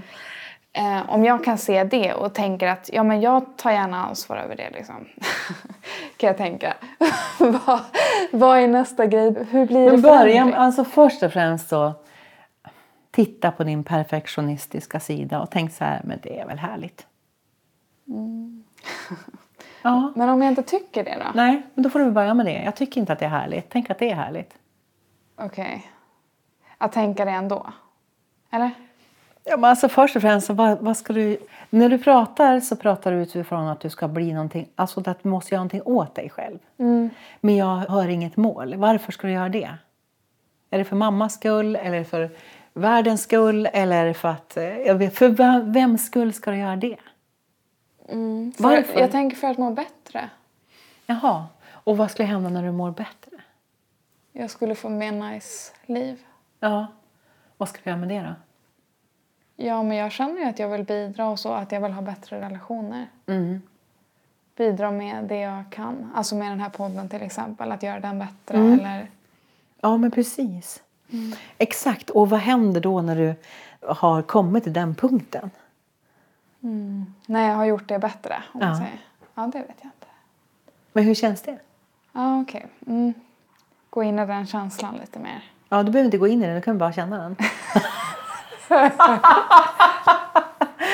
Okej, ja, men jag kanske behöver smälta det här lite grann. För att jag har ju pratat om, inte så mycket om känslor i mig själv, utan jag tänker på typ själen och huvudet. Ja, nu kommer vi in på något annat. Men det är ju liksom olika ord. Precis, alltså vi har allt i våra kroppar och alltihop sitter ihop liksom. Det är inte så... Det är inte så... Konstigt. Det är inte så himla konstigt. Att, nej. Man måste som inte förklara. Varför tycker jag om ett äpple? Varför tycker jag att det äpplet var så gott? Jo, det var för att mm, nej, jag tyckte det var gott. Vi kan grotta ner oss i att detaljera olika saker i oändligheten så att vi nästan tappar känslan av äpplet. Förstår du? Att det blir finare att beskriva hur gott äpplet är än att njuta av äpplet. Ja. Det är för att den akademiska världen har upphöjd. Och den handlar om att dissekera ner till detaljer och det är suveränt. Det är jätteviktigt. Men vi får inte ihop det därför att vi kan inte få ihop det till en helhet eller sätta ihop de här olika kunskaperna om inte vi har tillgång för känslor. För det är det som skapar gemenskap, även mellan olika kunskaper. Eller, så att man kan se alla detaljerna till en helhet. Mm. Gud, vad mycket det finns här. Ja. Alltså, det finns en anledning till att du har släppt några böcker Ja. också. Har du någon åsikt kring vad visdom är? Visdom är väl någonting som faktiskt eh, gynnar mänsklighetens utveckling och att eh, både de ofödda barnen och de som är döda skulle le av att det sker. Och det är visdom. Så tänker jag. Fint. Om du ska svara med ett ord eller en mening. Vad är lösningen på krig i världen?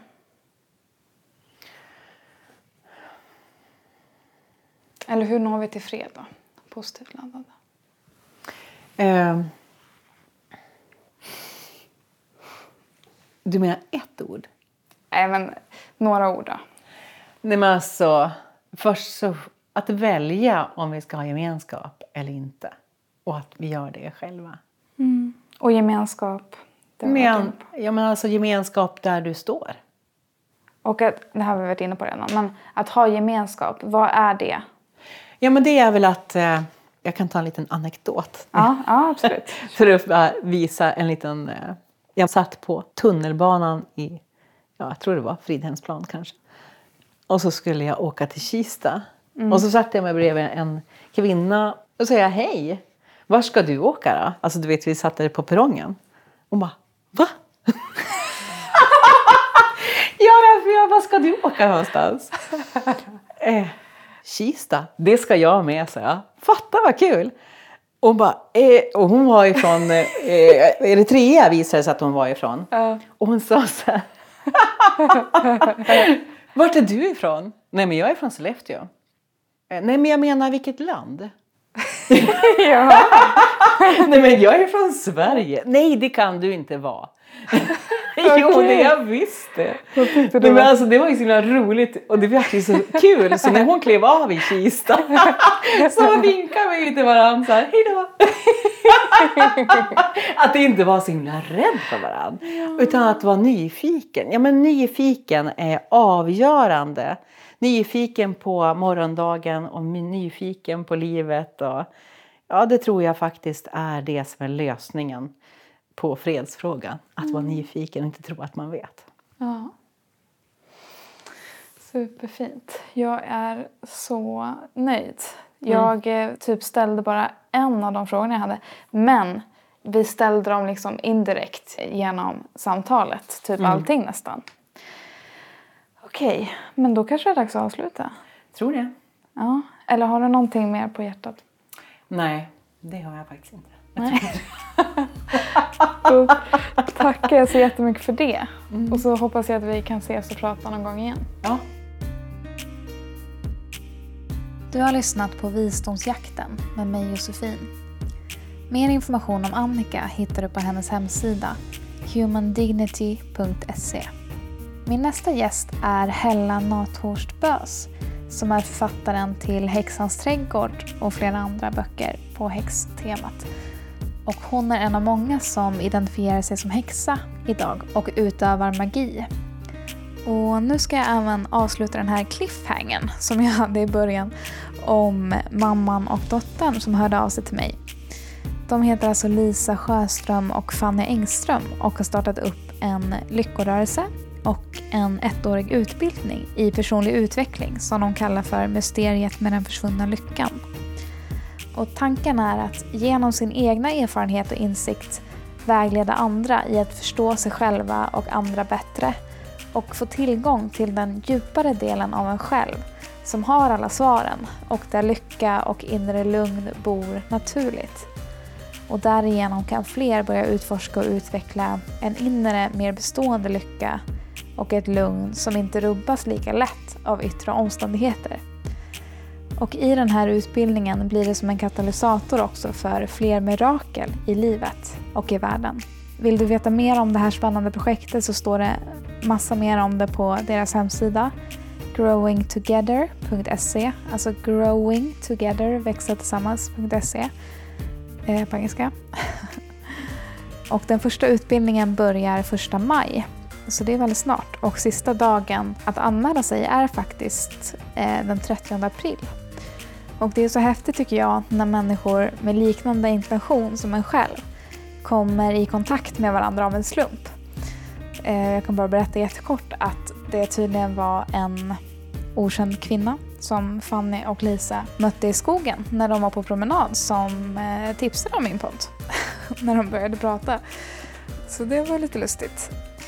Det var faktiskt allt för den här gången och eh, jag hoppas att jag kan inleda nästa avsnitt med att det har blivit fred i Ukraina och i resten av världen också för den delen. Hejdå!